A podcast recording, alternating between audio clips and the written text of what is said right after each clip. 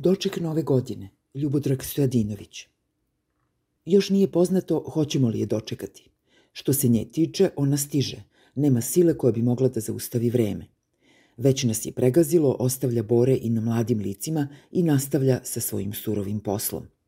U njegovoj ravnodušnosti jedna godina je samo sićušan broj, kosmički neznatan, zrnce peska u istoriji beskonačnog prostora.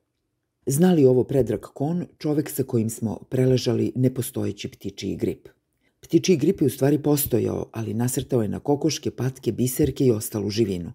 Umeđu vremenu, Kon je saznao da su i kokoške ptice, ali da ljudi nisu. Tada je bilo vakcine za epidemiju koje nije bilo. Ove godine vakcinu ćemo dobiti najranije za dve godine. Tako je objasnila premijerka koja najbolje razume kako da ne razume zašto da čekamo kada se već svi izređaju. Zašto mi koji smo prvi u Evropi da budemo poslednji na svetu. Anin šef je pre pet meseci obećao vakcinu iz jedne zemlje, ali neće da kaže koje, do kraja ove godine. Ministar Lončar je bio uveren da Srbija ima znanja da sama proizvede cepivo. U pokušaju da napravi zaštitu protiv sezonskog gripa, Torlak je pobio nekoliko generacija opitnih zečeva. Glasačko penzionersko telo se dobrovoljno javlja da zameni zečeve. Ima ih više, a umeju da vole. Ali sada nešto sasvim ozbiljno. Kraja ove godine možda neće ni biti, pa nešto takvo i ne treba razmatrati kao izglednu mogućnost. Predrag Kon je juče upozorio dramatičnim glasom, poput Orsona Velsa u Ratu svetova. Nije realno planirati doček nove godine. Svoju izjavu Kon je dao u okviru patriotskog zadatka na kome se nalazi. Da ipak vidimo šta ova nedoumica između realnosti i očekivanja uopšte znači. Realno je da vreme ide uprkos rodoljublju ili u skladu s njim.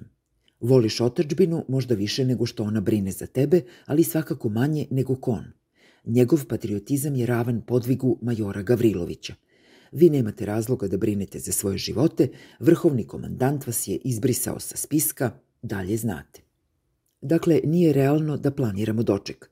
Ova rečenica može da bude izvučena iz konteksta, pa i ako jeste, zvuči sudbinski. Šta je prorok Kon pod navalom niza freudovskih omaški hteo da nam rekne? Nije pametno da pravimo planove za bilo šta, nikad se ne zna šta dolazi. Doček nije realan. Ali zašto? Takva stvar se ne planira. Obično bude kako ispadne. Neko će sedeti i otrovaće se buljeći u pink. Parovi će patiti sami u dvoje, pomireni sa čamotinjom i svojim lošim izborom, posvađani međusobno i sa svima. Pijancima ne treba doček, ukuljicama ne treba praznik, lopovi ne gledaju u kalendar. Nasilnici biju kad imaju koga bez bilo kakvog plana. Znam mnogo ljudi koji planiraju da dočekaju 1. januar sledeće godine koju ne broje. Inače, nemaju šta da slave. Planirati znači preživeti. Doček je samo forma, lična stvar u koju službenici poput potpukovnika Kona ne bi smeli da zalaze. Ako je mislio na velike masovne dočeke na trgovima i po kafanama, to više nije stvar planiranja, nego opšte narodnog veselja i masovnog ushićenja. Ceca, Bora i Željko na trgovima, vruća rakija za zagrevanje, vatromet, masovno ljubljenje, bezbroj puta po tri puta. Ali to je stvar daleke prošlosti. Bilo, ne povratilo se. Konačno smo sami. Želeo bih da čujem njegov plan. Šta čeka kad drugi ne planiraju ništa? Čemu se nada i plaši li se svojih izjava? Hoće li u noći na granici dve godine sa vođom u porodilište da zajednički traumiraju nove Beograđane? Gledajte, bebe, šta vas čeka.